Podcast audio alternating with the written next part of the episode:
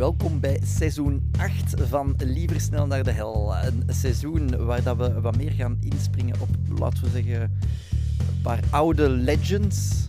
Op wat ehm, de rock and roll, denk ik, vooral wel, wel wat meer gaan uitpluizen. En we beginnen daarbij bij ja, de belichaming, zou ik toch wel durven zeggen, van seks, drugs en rock and roll. Sander van Lauwen. Nee, iemand die daar eh, altijd ook wel tussen hemel en hel constant eigenlijk wel wat vertoefde. Eh, iemand die dat ook als eerste een beetje wat de crossover heeft verwezenlijkt tussen het witte en het zwarte publiek. Eh, en we mogen hem ook wel de architect van de rock and roll noemen. Het is niemand minder dan Little Richard.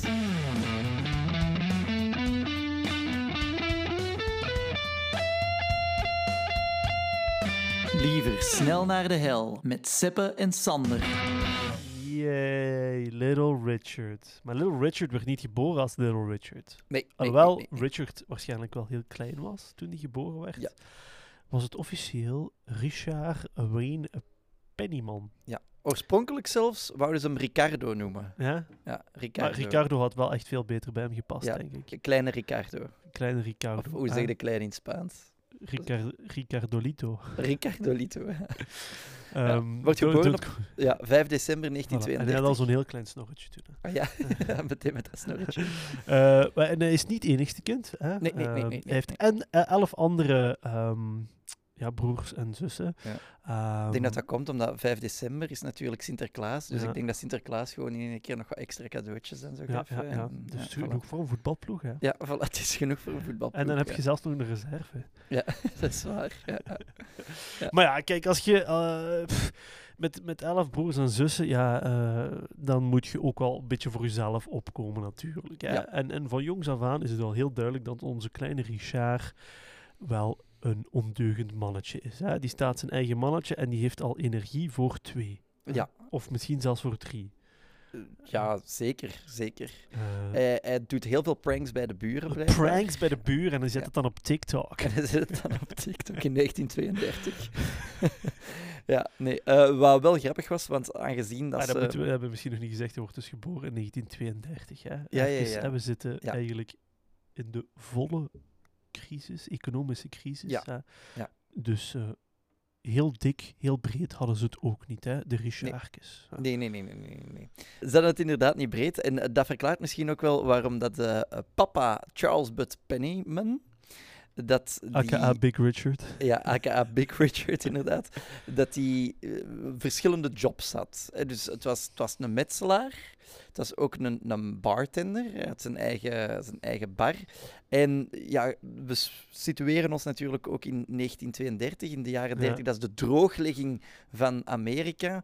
Eh, en papa Richard, die, die vond het ook wel, wel goed om in die periode misschien iets wat illegale moonshine whisky ja, want we, te- we te zitten hier ook in de, in de Deep South, hè, Ja. in Georgia. Maar ik kan me echt zo voorstellen dat als je zo een dorp binnenkomt, dat die pa zo allemaal verschillende hoeden heeft. Ja, maar, maar letterlijk. letterlijk dat je dan ziet die ze overal tegenkomt. Zo. Dat is zo, ah, Big Richard, ik heb- Big Richard. He's heb- the barman. Ja, exact zo. Ja, ik heb nu de, ik heb nu de, de postbode nodig. Ah ja, wacht hoor. Wacht, wacht, ik ben zo terug. nee, eh, maar dus hij was metselaar, hij was dus eh, een, een illegale whiskystoker, hij was dan de eigenaar van zijn eigen bar.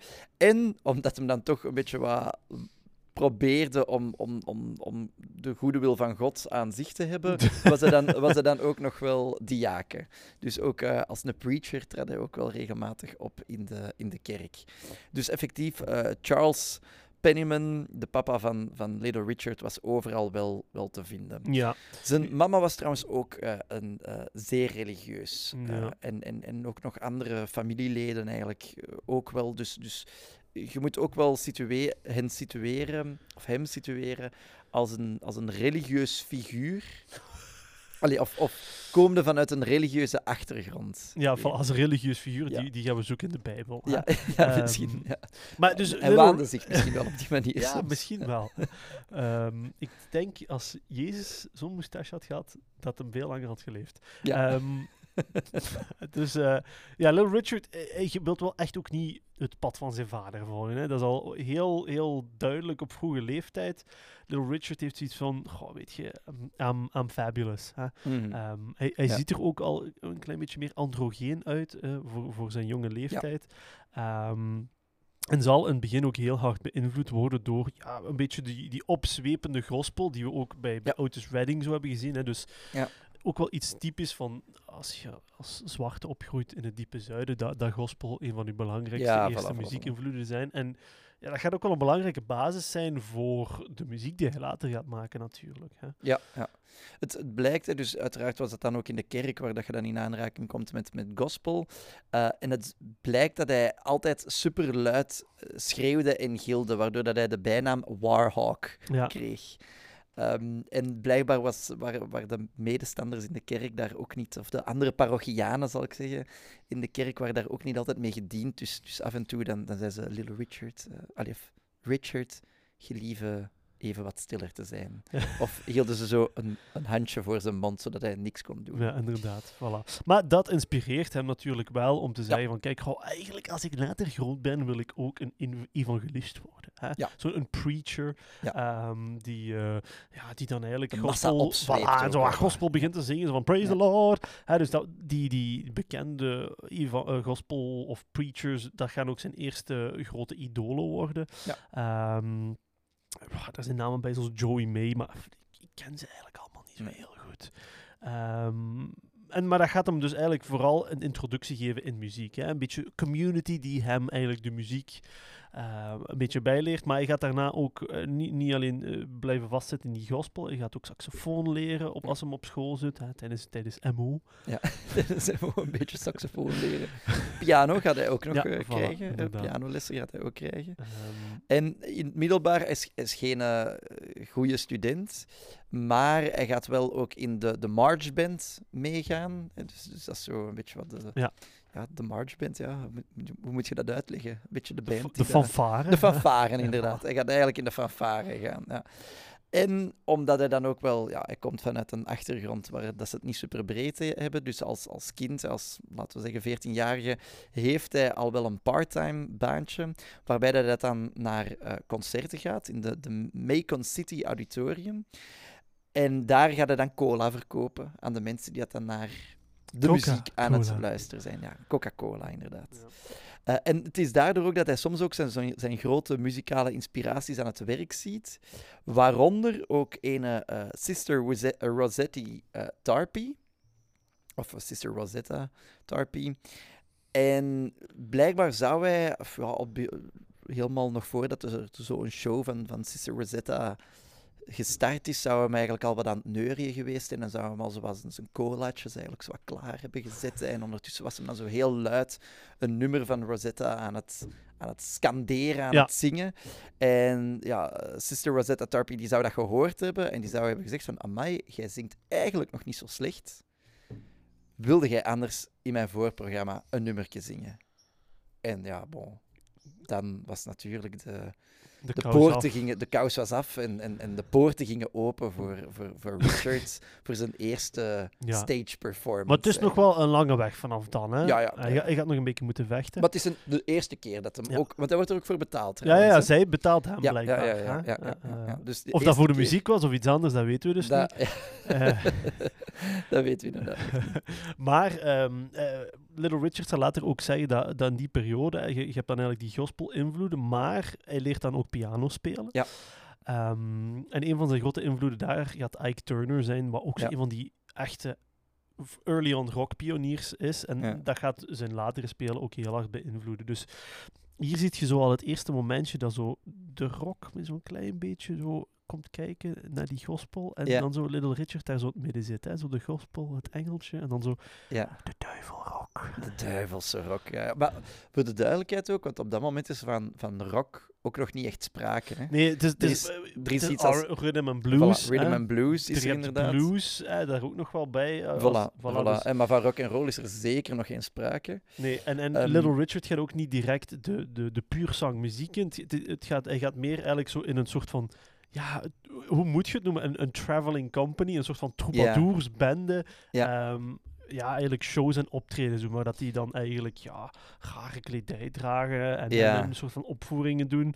Ehm, Dat zijn de, de, ja, dat is, eh, de Hud- Hudson's Medicine Show, denk maar ik. hij, hij begint eerst in de Dr. Nublio's Ja. Traveling Show. Ja, ja, ja, ja, ja, inderdaad. Ehm. dus dat is een soort van ja, minstrels, denk ik dat ze dat dan zo wat noemen. Dus ja, dat is effectief zo'n soort van troubadour-concept. Ja. Ja, blijkt ook niet altijd even... ehm, Het originele concept zou blijkbaar zijn dat blanke mensen dan blackface deden Ja, om dan voilà. eigenlijk die Afrikaanse racial stereotypes te gebruiken. ja, ja, ja, maar Als- dan effectief binnen dan de, ik zal zeggen, Afrikaanse community leefde dat dan toch ook wel, dat concept. En ja, ik vermoed dat dat dan op een andere manier ook wel wat werd, eh, werd ingevuld. Maar effectief veel theater, veel muziek, veel ja, ja, troubadour-achtig eh, gegeven. Reden waarom dat hem dat ook deed, eh, was omdat hij eigenlijk was buitengesmeten door zijn, door zijn vader. Ja. Allee, sommigen zeggen dat hij was buitengesmeten, anderen zeggen van dat hem het was afgetrapt. En de reden daarvoor was dat hij op 15-jarige leeftijd begon hij wel wat te experimenteren met zijn seksualiteit, zullen we zeggen. Met zijn kleine Richard. En dat seksueel experimenteren, dat verliep zowel met vrouwen als met mannen. En natuurlijk, eh, je moet je dat voorstellen, dan in eh, 1940, of, in- of, of eind jaren 40, is, is, is natuurlijk eh, homoseksualiteit is nog altijd een heel groot taboe, wordt, wordt als, bekeken als de grootste, als de ergste zonde. Eh, op dat moment, en ja, zijn vader is een, een preacher, zijn vader is een, di- een diaken in de kerk, ja, die zegt ook gewoon van, dit kan niet. Nu, interessant misschien, al in één keer een klein zijsprongetje dan van, is, is Little Richard nu gay of niet? Hij zelf gaat altijd zeggen dat hij eh, omniseksueel eigenlijk was. Dus in latere interviews zij, zegt hij van, ja, I'm, I'm omnisexual. I'm, I'm not gay, but you know, I was gay all my life, zegt hem dan zo. Eh, maar hij blijft ook een gelovig iemand altijd. En hij gaat ook vanuit zijn geloof, ja, dat laat hem, zijn geloof laat hem niet toe om, om gay te zijn. Dus hij gaat zelf ook heel vaak zeggen dat hij ehm, homoseksualiteit ook wel als een, een zonde ziet. Dat is eh, als je gelijk zo op zondag een bakje crème bij de tv eet. Zo, eigenlijk mag dat niet. hè. Ja, ja maar je doet het toch. hè. Voilà, voilà. Dus hij gaat het zeker en vast doen, maar daarover later meer. maar ehm, hij, hij blijft het ook wel preachen als iets wat dat hij zelf dan zogezegd onnatuurlijk zou Ja, ja, ja. hè. Want je moet denken, in die periode, we zitten dan eind jaren 40. Hè, zelfs R&B, waar we het dan over Ja. hebben, zo de, de eerste aanrakingen die je krijgt met R&B, dat werd nog altijd gezien als de duivelsmuziek. Ja, ja, Dus dat is niet dat dat ineens zoiets was van, ah, maar dit liedje vind ik ook leuk. Nee, nee, dat was nog altijd voilà, in diezelfde optiek als eh, onze... ehm, my god, hoe heet hem? Onze... Robert Johnson. De Robert John... Ja, ja, voilà. Robert Johnson, die Freddie effectief... King, hè, inderdaad. Ja, ja, maar effectief, ja, Robert Johnson, die dat dan eigenlijk... Ja, die, die zit daar ook zo rond die periode van 1937 uiteindelijk. Ja, we zitten wel tien jaar verder. We zitten nu tien jaar verder inderdaad wel, maar die dat daar, die, ja, die dat daar ook wel wat... ehm, Ja. Die duivelse... Die, die, de, de weg voor de duivel eigenlijk, wat hebben ehm, geplaveid. hè? Eh, Eh, eh, we hebben het zo al een paar keer ook aangehaald. Hè. Er zijn zo wat dingen die, die Little Richard kenmerken. Zijn, zijn vrouwelijke looks, et cetera. Maar ook iets wat we in het begin al hebben gezegd, zo dat snorken. Hè. Ja. Zoek maar eens een foto op van Little Richard. Die heeft zo ja, een getekende snor. Ehm, gelijk zo... ja, wie, wie doet dat, zo van die getekende snorren? eh, ja, ik weet niet. Zo van die Little artiesten. Ja, Little dat is zo'n getekende. Je hebt ook zo van die... eh, Ja, in die tijd hadden we nog wel meer van die artiesten die dat zo van die kleine... Ja, zo, zo gelijk een Spanjaard, zo precies. Hè. Ja, Of is dat, dat is eigenlijk misschien heel racistisch. ja, ja, ik zou bijna Spanjaard... om- Ja, nee, oh, ja, misschien. Ja. Zo wat Dali, maar dan zonder de grote knullen. Voilà, inderdaad. Krullen. Z- zonder de grote zonder te knullen. Zonder te krullen. zonder Ja, de- knullen misschien ook. Eh, eh, en dat komt dan eigenlijk van, pff, wordt gezegd van, van eh, Louis Jordan, dat is, een, eh, dat is een artiest die, die R&B maakte. Dan zou een van de eerste liedjes zijn die, die Little Richard ook echt beïnvloed heeft in de R&B.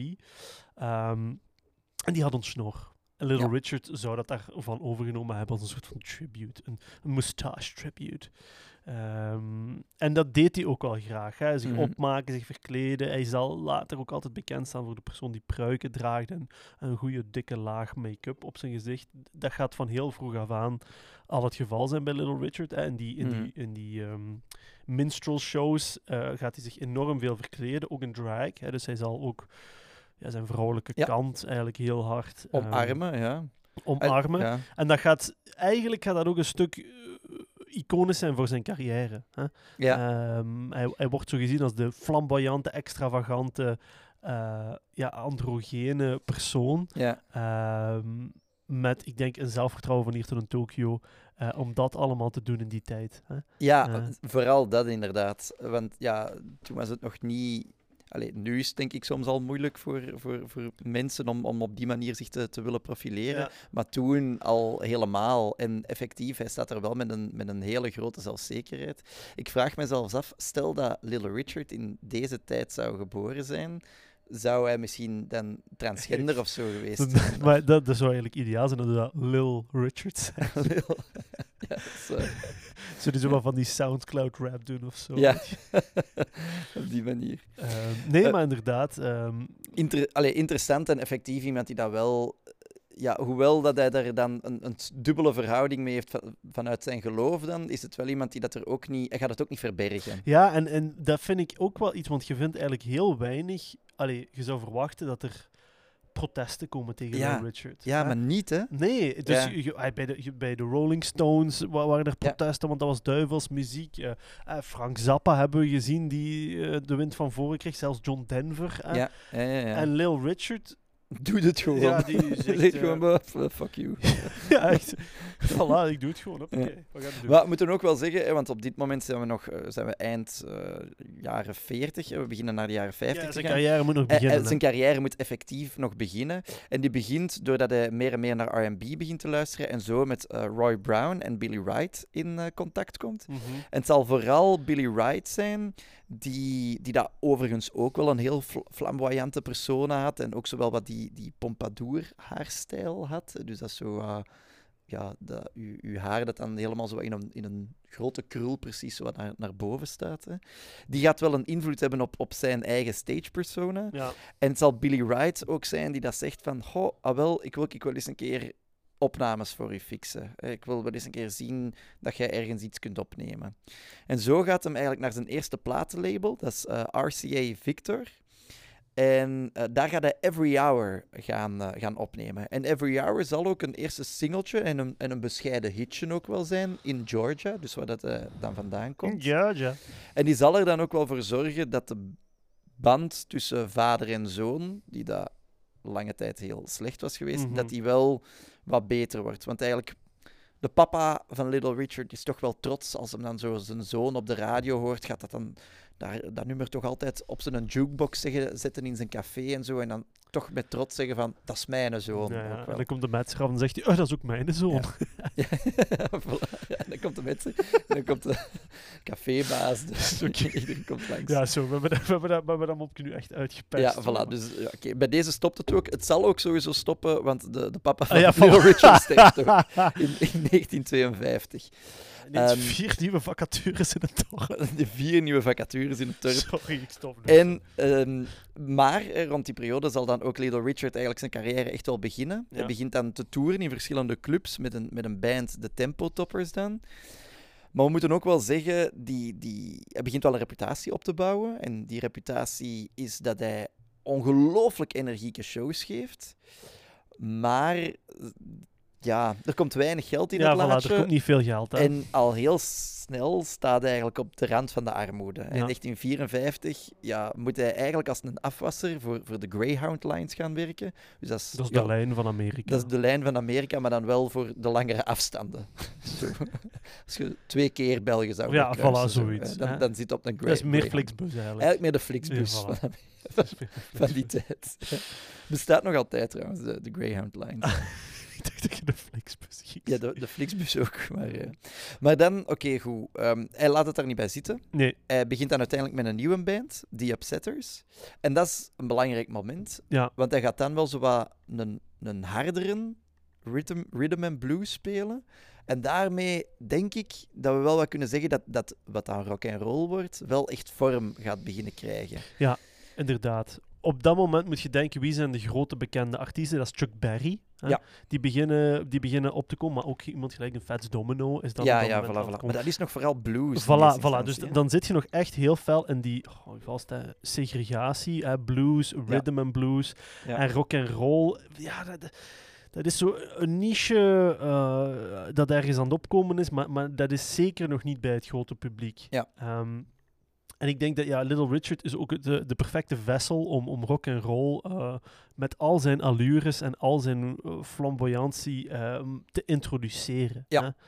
Ehm, Ja, zeker. Eh, Dat gaat hij dan ook, eh, ook proberen doen. Dus hij, hij trekt dan naar een nieuw la- label. En daar zeggen ze in eerste instantie van... "Hmm, Little Richard moet eigenlijk het antwoord op een, worden op Ray Charles op die moment. Maar Little Richard zegt zelf van... Ja, ik, ik, ik wil eigenlijk niet het antwoord zijn op, op Ray Charles. Ik wil het, het, ik wil het antwoord zijn op Fats Domino. Ik wil daar veel meer op lijken. Dus oké, Ja. ze zeggen van... We gaan naar New Orleans. Ze gaan daar opnames doen met de backingband van, van Fats Domino. En in eerste instantie komt uit die eerste opnames niet veel uit.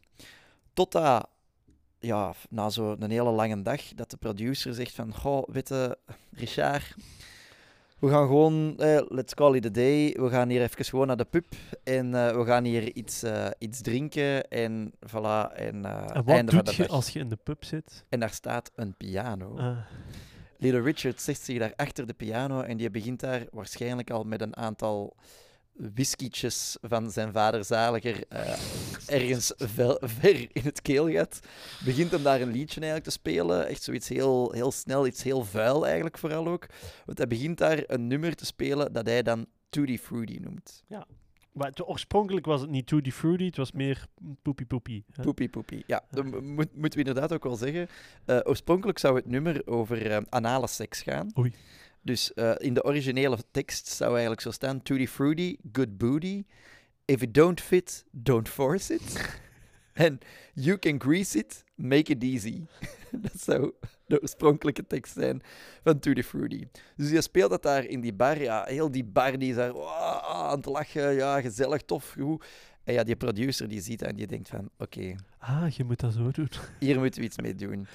Dus ze zeggen van, oké, Richard, we gaan dat een klein beetje oppoetsen. we gaan dat een klein beetje, een klein beetje properder maken. Hè? En we gaan dat uitbrengen. Ja, En ja, voilà.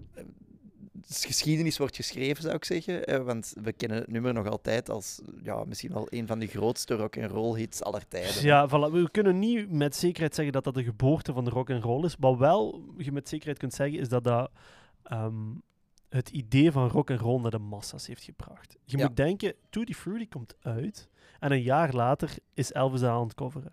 Ja. En Elvis is op hele korte termijn heel groot geworden. Dus je moet zien wat voor een impact die song heeft gehad op, op, op de muziekwereld van, op- van dat moment is immens. Hè? Mhm, mhm. Ehm Tutti Fruity komt uit en eh, instant hit. Het komt meteen op, eh, ja, weet je, nummer 2 van de Rhythm and Blues bestsellers. Dus ineens zijn idolen gelijk Fats Domino's en Chuck Berry, hij wordt daaraan gelijken van. Ja, ja, voilà, voilà, Ehm. voilà. Ja, ja, ja. Eh, ja, effectief. Dus het, het gaat hem voor de wind, dus ja, dan... Ja, Het duurt het, ook niet, het duurt het ook niet lang vooraleer dat je dan een nieuwe single ook uitbrengt. Ja. Dat zal dan Long Tall Sally zijn. Dat is ook meteen een schot in de roos. Ja. En eigenlijk, met dat Long Tall Sally uitkomt, gaat hij zelfs geliefder zijn dan Fats Domino. Ja. Dus, dus ze zeggen heel vaak van de gelijkenissen tussen Little Richard en Fats Domino is dat die ja, eigenlijk qua opname redelijk gelijkaardig zijn, maar qua stage performance Ja. we wilden echt wel naar Little Richard gaan. Inderdaad. Want Little Richard is degene die dat daar met zo'n energie op staat op dat podium. En ja, heel die band die wordt gek en hij, en hij zweept zijn band ook echt helemaal op dat, die, ja, dat iedereen, inclusief het publiek, gek wordt. Ah, ja. En wat dan interessant is, is dat Little Richard ook een van de eerste artiesten zou zijn naar wie dat er ooit damesondergoed is gegooid. Kun Eh, je dat wassen? Hij claimt het zelf toch ook wel van, ja, voor mij wa- was dat eigenlijk nog nooit gebeurd, maar opeens dan begonnen mensen dat te doen. En ja, daar was hij op zich niet zo, niet zo Nee. rauwig om natuurlijk. Inderdaad. Eh, Long Tall Sally zou ook het, het eerste liedje zijn dat Paul McCartney op de gitaar heeft geleerd. Ja, Ehm. Gewoon om je maar een idee te geven van wat, wat de impact is van zo'n zo'n liedje. hè. Dat, is, dat is weer het typische Amerikaanse blues, rhythm and blues, dat overkomt naar de UK om daar eigenlijk de bands zoals de Rolling Stones, zoals de Beatles, zoals... ehm, eh, hoe heet hij de andere? De, eh, De hoe. The Who, eh, daar te, te beïnvloeden eigenlijk. Hè. Ja, ja, zeker, Ehm, zeker. En dan denk je, goh, die heeft het gevonden, dat gaat goed, hè, laten we een beetje verder gaan. En dan denkt Little Richard, maar wat met God? Ja, daar zijn we nog niet helemaal. Daar zijn we. Waar, waar dat ik Hoe, wat wil je nog zeggen? waar dat ik misschien eerst nog even op wil focussen, is... ehm, eh, waar dat ik ondertussen ook nog wel op, op wil, wil, wil focussen, is eh, ondertussen is het seksueel leven van Little Richard ook niet, eh, staat dat ook niet stil. Hè? Hij krijgt daar damesondergoed naar hem, eh, naar hem gegooid enzovoort. En ja, Little Richard blijft ook, ook wel een, een Little Snooper, eigenlijk vooral. Ah, ja, voilà. Eh, dus hij zou een, op een gegeven moment een relatie hebben gehad met Audrey Robinson. Die zou ook later bekend staan onder de naam Lee Angel, de stripper. En ja, Little Richard was niet vuil van een, een orgietje meer of minder. En blijkt dus dat Little Richard een orgie zou hebben gehad met Buddy Holly en zijn vriendin dan Audrey Robinson. Eh, en hij vond dat ook wel plezant, hè, want hij wist dat eh, Buddy Holly de, de fastest song of the West was. Dus hij, op een gegeven moment dan zou dat voor een, een optreden zijn. En ze zitten zo wat backstage. En ja, ehm, Audrey en, en Little Richard zijn zich wat aan het eh, amuseren. En moet je dan voorstellen dat per ongeluk Buddy Holly de kamer binnenkomt en zegt van, oh, sorry. En Little Richard zegt van, maar Buddy, kom toch gezellig even Kom hier en dan meedoen." pak ik in je holly. Ja. Eh, bon. Hij, hij- hij zou ook wel wat voyeurige kantjes hebben. Of alleen toch wel echt een, een, een full-blood eh, voyeur zijn. Eh, hij zou er zelfs soms op uittrekken met een, met een vriendin. Waarbij dat die vriendin dan eigenlijk met een gast uitging, seks ging hebben met die gast. En dat dan Little Richard aan hen vroeg van, mag ik misschien blijven kijken alsjeblieft? dus heeft zowel wat ehm, een bepaalde seksuele fetish ook wel. Ja. Voilà, dat, dat wou ik toch ook nog wel even, Voilà, nog wel even meegeven. En dan nu, Ja. God. En dan nu God. Ja, want, voilà, want eh, kleine Richard eh, heeft, heeft zo wat, zijn een kleine Richard en al heel veel holletjes gestoken en het begint toch zo een beetje met hem te knagen. Hè. Ja. Maar ja, weet je, als het goed gaat, dan heb je zo even een aha-moment nodig om je terug even wakker te schudden en zoiets te hebben van, tju, dat vindt Jezus niet fijn wat ik hier aan het doen ben. Ja. Er zijn eigenlijk twee specifieke momenten, eh, of meerdere specifieke Ja. momenten. Ehm, ik, heb, ik had het moment van de, van de satelliet gelezen, dus ik zal dat vertellen en dan Ja. zeg jij het andere maar. Ja. Dus eh, ja, we zitten in de jaren 50, ja, hoogtepunt van de Koude Oorlog. Ehm, en we zitten met de ruimterace ook en de Russen lanceren Sputnik. Eh, ja, wat is Sputnik? Ehm, Sputnik was de eerste satelliet die gelanceerd werd, die rond de aarde draaide. Dat was een bolletje met wat stekeltjes aan. Maar je zag dat, blijkbaar. Ehm, Ja. En ehm, ja. Ja. Little Richard zag dat en die dacht, oh my god, dat is Ja. niet Sputnik, dat is Jezus. ja, hij zou tijdens een optreden zo een grote gloeiende bal hebben gezien. En hij zou daar zo door gefascineerd zijn geweest. En hij dacht van, ja, de, de, de wereld is ten einde. Ja. Eh, ik, ik moet me gaan bekeren. En dan iedereen tegen Richard, nee, nee, maar dat is Sputnik. En Richard, nee, Nee, dit is. God. Schot dat een teken geeft aan mij. Eh, een tweede eh, punt dat, dat hij ook meemaakt, dat is trouwens op, het, op hetzelfde moment, hè, want dat, wat, dat, wat, wat dat je daar vertelt is eigenlijk in, in Sydney. Mm. Ehm, en vlak voordat hij eigenlijk naar Sydney zou zijn gegaan, dus dan had hij een vlucht vanuit Melbourne naar Sydney eh, genomen, eh, dan zou zijn vliegtuig moeilijkheden hebben ondervonden. En hij beweerde dan dat hij roodgloeiende eh, ja, motoren, allee, of de, de, hij beweerde dan dat hij de motoren zag, zag branden al. Eh, en dat er engelen waren die dat het vliegtuig recht hielden. En dan als laatste, dus hij heeft dan die twee ervaringen gehad. En dan, hij denkt dan van, ja jongens, zo kan het niet meer. Ik moet terug naar de VS gaan. Ik moet het woord van God gaan prediken. En hij zegt zijn tour in Australië eigenlijk. Hij zet die stop, tien dagen vroeger dan gepland, pakt een vliegtuig terug. En dan, tien dagen later krijgt hij te horen dat het vliegtuig waar dat hij oorspronkelijk op had moeten zitten, dat dat was neergestort in de Stille Oceaan. En- Dus hij was anders dood geweest. En weet je wie die piloot was? Jezus. Voilà, dus in ieder geval, al, al die verschillende zaken die dat gebeuren, dat kan geen toeval zijn natuurlijk, volgens hem. Dus hij zegt van, ja jongens, eh, mijn, dat, dat leven van, van, van seks en rock and roll, geen drugs, by the way. Hij eh, was helemaal anti-drugs nog op dat moment. Het is Eh, heel mooi dat je dat zo zegt. Da- ja. Daar komen we later nog op terug, maar eh, op dat moment nog niet. Dus het was op dat moment vooral seks en, en, en, en de, de, de, seculiere, de seculiere muziek en de niet-heilige muziek. En hij zegt van, ik ga me gaan eh, bekeren. En in, vanaf 1958 spreken we dan ook over, laten we zeggen, de wedergeboorte van de heilige Richard. Ja, de Ja. Richard die dikke fan is van Jezus. Hè? Ja. Maar hij blijft nog altijd muziek maken. Hè? Ja. Hij gaat in die periode, ja, da- da- daar gaan we zo wat, wat diagonaler over gaan. Hij gaat eigenlijk preacher worden, eigenlijk een klein beetje zijn droomberoep. Hè? Ja, hij, hij heeft ook echt zo Little Richard's Evangelistic Team, Ja, en dat is- hij het land eh, doorkruist. Ja, inderdaad. En dan, eh, ehm, eh, eh, eh, het is een Seventh Day Evangelist. Hè? Dat is zoals een, eh, ja, moet je dat zeggen, zijn, eh, zijn stijl. Hè? Ja. Ja. en hij gaat in die periode ook drie gospelalbums uitbrengen, waar Ja. hem zegt, hè, don't do it in the butthole en van dat allemaal, eh, om eh, Jezus content te stellen. Voilà. Eh, hij gaat ook trouwen in die periode, ook officieel. Hij Met Jezus. niet, niet met, niet met Jezus of ook niet met Maria, maar met Ernestine Harvin. Eh, dat is dan iemand die dat in Washington leert kennen. Eh, en met wie dat hij uiteindelijk ook een, een, een eh, jongetje zal adopteren. Dat is Danny Jones. En dus dat is dan zijn, zijn wettelijke zoon dan uiteindelijk. En ja, daarmee gaat hem ook wel altijd een hele goede band blijven onderhouden. Die zou zelfs later eh, de lijfwacht worden van, van, van Little Richard. Ja, inderdaad. Ehm, maar ja, hij is dan bezig met- eigenlijk met zijn gospelleven. En hij denkt van, ja, dit is het. Hè. Dit, is, dit is de weg die ik moet uitgaan. En dan, dan roept de rock, hè. de duivel Ja. van de rock, zegt... Hey, Little Richard, weet je dat nog toen we daar met Buddy Holly hè, Ja. samen... Hè? Eh, effectief, dat is zo rond 1962.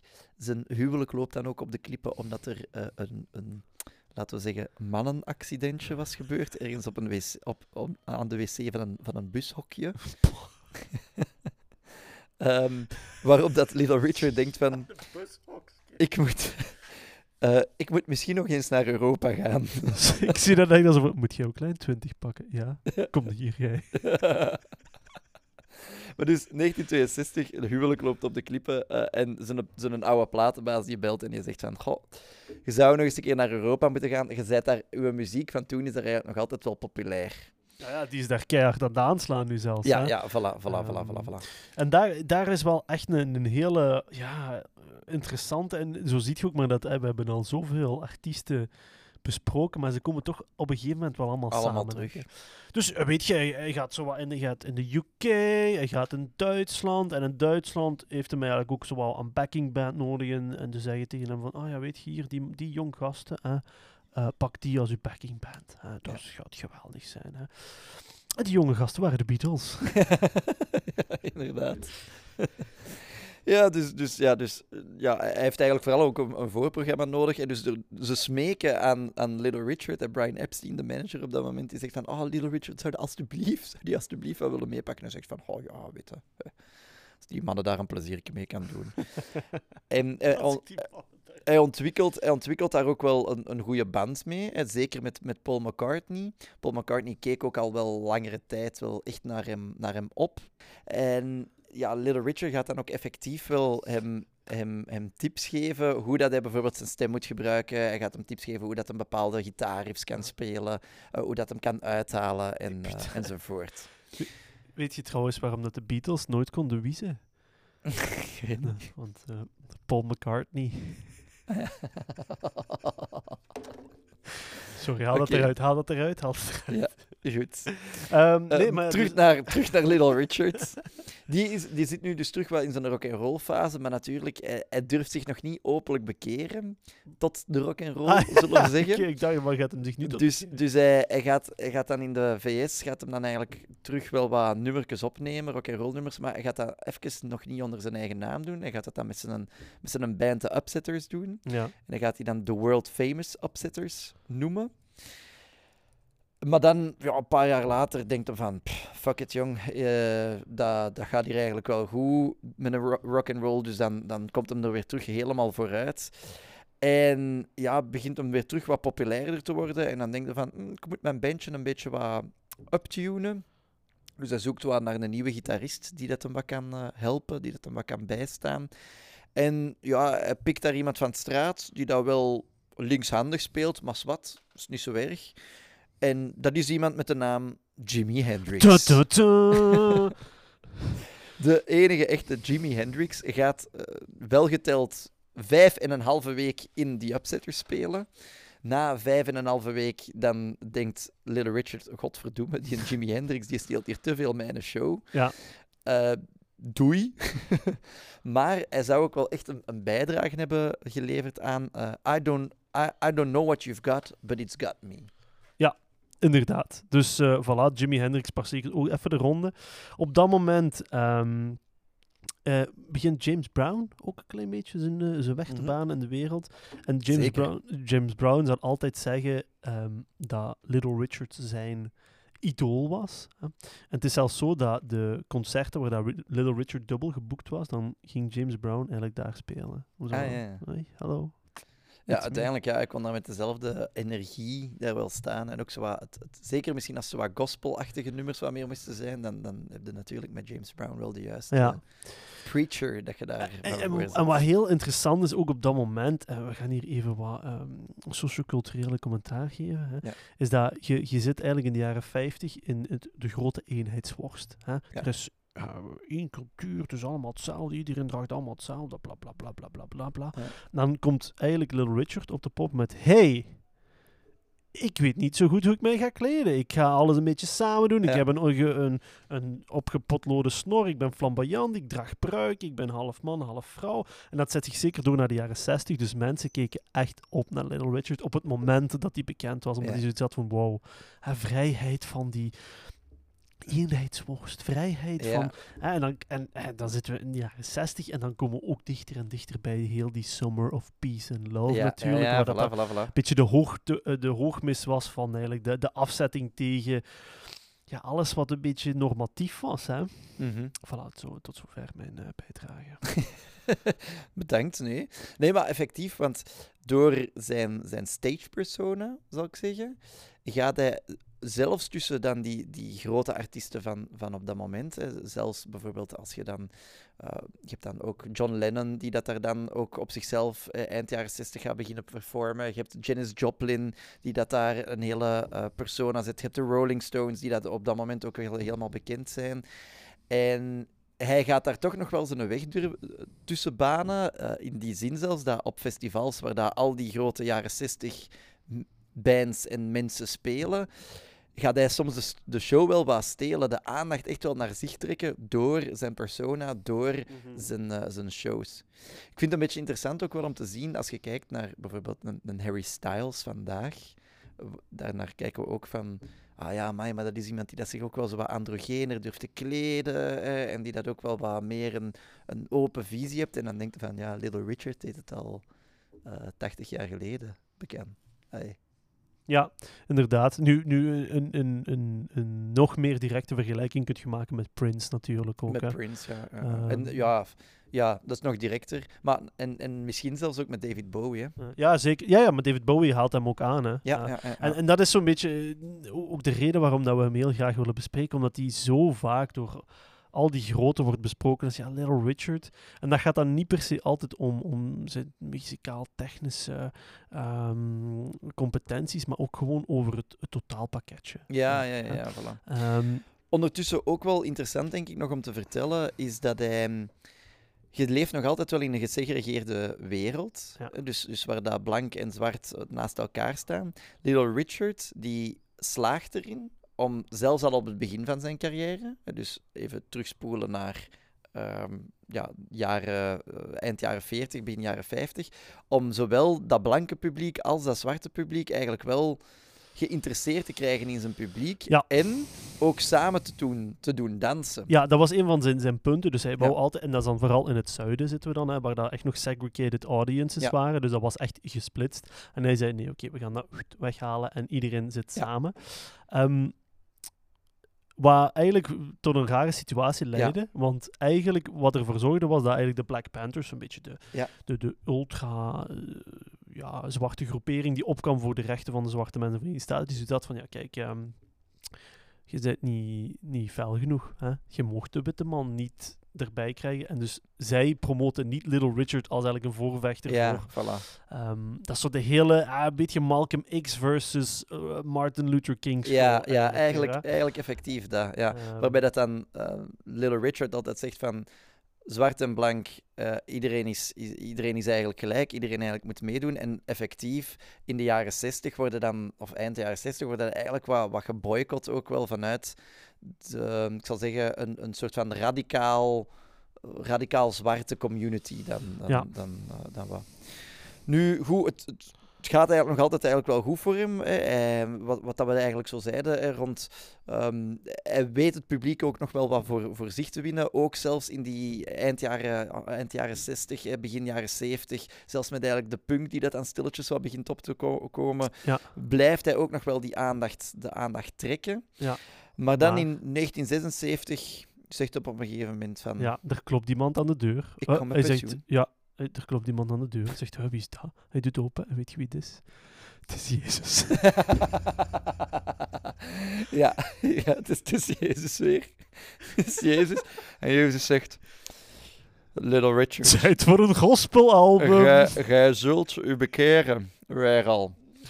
En ehm, we moeten ook wel zeggen, wat, wat is er rond die periode, eh, 1976, 1977, wat is er rond dat moment eigenlijk ook wel aan het gebeuren? Hij zit op dat moment op het hoogtepunt van zijn, van, van zijn drugsverslaving. Hè. Dus ehm, aan het begin van zijn carrière was hij eigenlijk echt een, een geheel onthouder. Dus voor zijn eerste bekering, zal ik zeggen. Ehm, alcohol, drugs of sigaretten mocht er allemaal niet in. Bandleden die dat, dat wel deden, die kregen zelfs boetes van hem. Maar dan in eh pakweg ja, 1965 ontdekt hij wel hoe dat eh, alcohol, sigaretten en drugs hem wel wat kunnen helpen om met zijn stress om te gaan. Eh, en onder meer onder invloed van dan zijn ja, producer, manager en vriend Larry Williams gaat hem dan echt wel ja, stilaan een, een verslaving ontwikkelen. In 72 raakt hem echt zeer zwaar verslaafd aan, aan cocaïne. Ehm, en niet alleen aan, eh, aan cocaïne, maar ook aan, aan PCP, aan heroïne. Eh hij zou zelfs zeggen van, goh, in, in 72 hadden ze mij niet Little Richard moeten noemen, maar beter eh, Little Cocaine. Ehm, rond 1975 zit het zover dat als hem, dat hem helemaal constant cocaïne doet, constant heroïne, constant PCP, ehm, waardoor dat hij zijn hele ja, reasoning eigenlijk wel wat, wel wat verliest. Eh, en dat zijn verslavingen hem eigenlijk echt ja, zo'n zo'n duizend dollar per dag zouden kosten. Dat, is niet, dat is niet slecht. Hè? Dat, is, dat is niet Ehm, slecht. even, even een klein segment drugs. Hè. PCP hebben we nog niet echt aangehaald Oh, als ja, oké. drugs. hè. oké. We, we hebben hier nog een kleine een, een Ehm, drugsleer. eh, Ja, het is echt de harddrugs, hè, Ja. PCP. Ehm, een van de dingen die dat met je doet, is dat je het gevoel hebt dat je het heel warm hebt. Dus heel veel mensen die aan de PCP zitten, die kleden zich uit. En die gaan naakt beginnen rondlopen. Dat is een van de dingen die karakter- karakteristiek is aan PCP. oh joh. Ehm, en die worden ook heel geil. Dus dat is ook echt een seksdrugs. Dat, dat zal hem wel niet erg gevonden hebben. Voilà, bij Nog deze. geiler misschien bij hem. Voilà, inderdaad. Hè. Oké, voilà, dat, dat was weer een nieuwe episode van Seks. eh, wat zeg ik nu? Seks. van Drugs met Seppe Kuipers. Drugs. Drugs. Ehm, eh, nu, rond die periode ook, eh, dus je hebt dan zijn, zijn, zijn, ehm, zijn drugsverslaving staat op een hoogtepunt, maar ook rond die periode gaan er ook heel wat tragedies wel in zijn leven plaatsvinden, waar hij ook echt wel trauma's aan overhoudt. Ehm, waaronder ja, Larry Williams, die daar eigenlijk plots, eh, dus die vriend van hem, die dat plots aan zijn deur staat met een pistool en hem gaat beginnen bedreigen om neer te schieten, omdat, omdat Richard eigenlijk zijn, zijn drugsschuld nog altijd niet bij hem zou hebben afbetaald. In die periode gaat zijn broer ook sterven aan een hart, hartaanval. En, eh, zijn neefje, die hij eigenlijk zou beschouwde als zijn eigen zoon, die sterft in een, ja, wat dat ze dan noemen, een accidental shooting. Oei. Ja, dus die komt zo om bij, ja, ja, ik weet niet, ik denk dat er zo bendes of zo tegen elkaar aan het opnemen was, dat hij toevallig op het verkeerde moment op de verkeerde plaats was en zo kogel eh, in zich heeft gekregen. Eh, en dan twee van zijn beste Aan vrienden... een die- hoge snelheid, weliswaar. Hè? aan een hoge snelheid. Eh, en twee van zijn beste vrienden die worden ook vermoord, eh, waarvan dat volgens mij minstens één van die twee ook echt wel eh, ja, een- werd afgerekend eigenlijk vanuit het, eh, het drugsmilieu. Ah, ja. Dus ja, je zou verminderen dat Jezus terug aan uw deur staat en zegt van tijd voor een bekering. Tijd voor gospel. Voilà, inderdaad. En dan gaat hij dat eigenlijk ook doen. Hè. Terug naar de gospelalbums. Jee, jee, jee. Hij, hij maakt een, eh een gospelalbum, dit God's Beautiful City. Hè. Ja, onder andere. Dat doet je niet als je coke en heroïne en PCP hebt gedaan. Hè. Nee, dat, ze- zeker niet. Ehm, maar het is wel goed voor hem geweest. Even terug wat detoxen. Ja. Eh, maar de wereld draait door. Hè. Dus eh, hij gaat fijn wat gospelen hier en daar. Hè. Dat is, hij gaat er ook wel goed zijn frank mee verdienen, denk ik. Ehm, en dan, eh, ja, Goh, dan komen we in ja, jaren tachtig. 1984 wordt zo wat bezien als een comeback. Eh, heeft vooral te maken met het feit dat er op dat moment ehm, een rechtszaak rond hem start. Over royalties, die dat hij eigenlijk nog, eh, nog zou had moeten krijgen. eh, waar dat dan een hele discussie rond ontstaat, die dat hij uiteindelijk wint. Dus hij krijgt er opeens nog een stevige cent. Ehm, dan beslist ook, ja, ze ook om eigenlijk een, een biografie over zijn leven uit te brengen, waardoor dat hij ook weer terug opeens heel hard op de voorgrond staat. En ja, hij, hij lijkt op dat moment ook echt wel wat meer ja, zijn, een soort evenwicht te vinden tussen, tussen, laten we zeggen, hemel en hel. En Dus tussen, die rock en roll en tussen dan dat eh, goddelijke leven. Eh, hij gaat dan ook zeggen van, ah, goh, ik wil misschien wel eens in een filmpje ook wel meespelen. en dan, eh, dan speelt hij zo, ja, dan speelt hij eigenlijk in, in Down and Out in Beverly Hills, wat een, wel echt een, een, een film is die dat echt wel goed wordt ontvangen op dat moment. Zal hem ook inspireren om een nieuw album op te nemen. Dat is een Lifetime Friend. Maar Oei. dan komt hij, hij komt eigenlijk van het album terug. Hè, dus hij heeft het album eigenlijk zo wat geproduceerd in van de laatste dagen in de studio. Hij rijdt eigenlijk in zijn sportwagentje, hè, want op dat moment heeft hij het natuurlijk goed voor elkaar. rijdt hij terug en ja, hij raakt verwikkeld in een, een ongeval. Hè. Dus hij zou eigenlijk met zijn auto ergens zijn, zijn geslipt.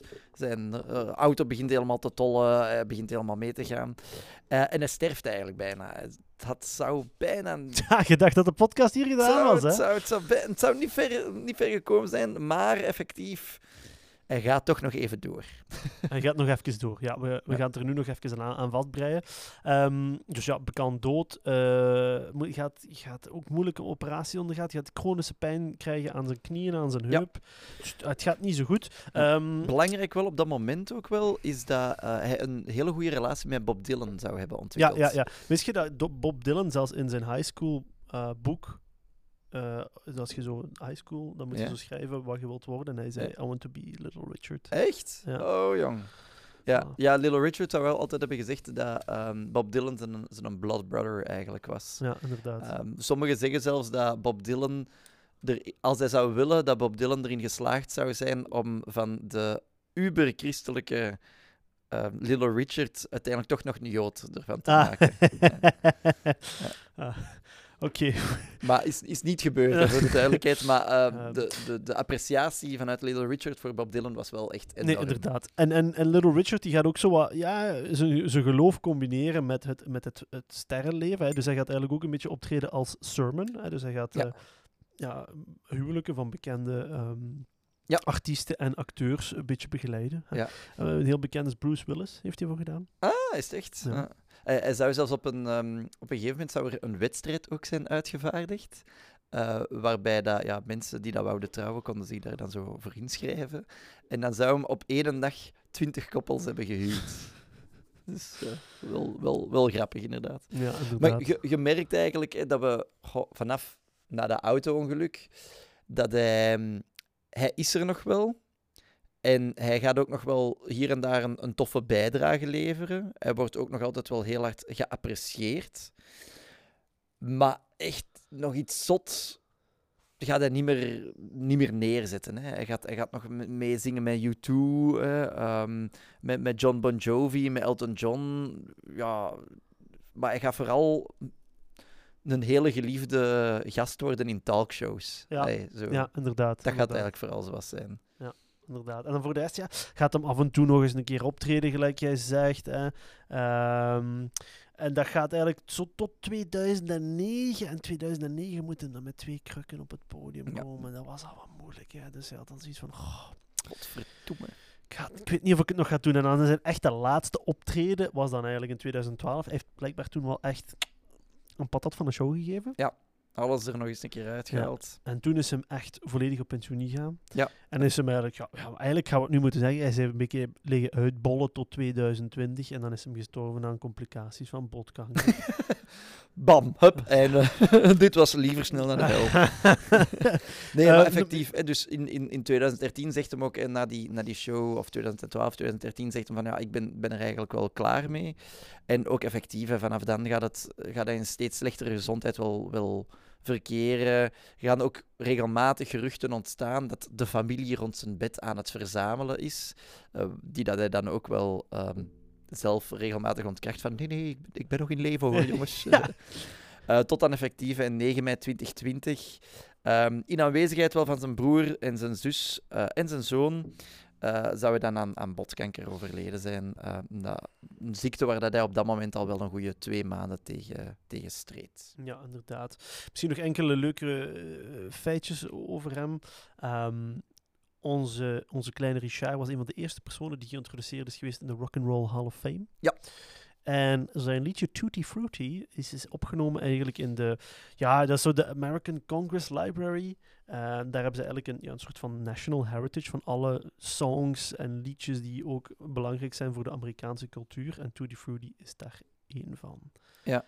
Ehm, En als je dan effectief ook zo wat kijkt naar zijn, naar zijn legacy, dan hij zelf zou gezegd hebben van kijk, ik denk, denk dat mijn, mijn legacy of mijn nalatenschap eigenlijk eruit uit bestaat dat toen dat ik met de showbusiness begon, dat er eigenlijk niet zoiets bestond als rock and roll. Ja. Eh, toen, dat, toen dat ik met Tutti Fruity eigenlijk begon, dan, dan zijn we pas echt zo wat beginnen, beginnen rocken. Eh, en dat wordt ook wel heel, door heel veel anderen ook wel gezegd. Hij wordt niet voor niks vaak de architect van de rock and roll genoemd uiteindelijk. Ja.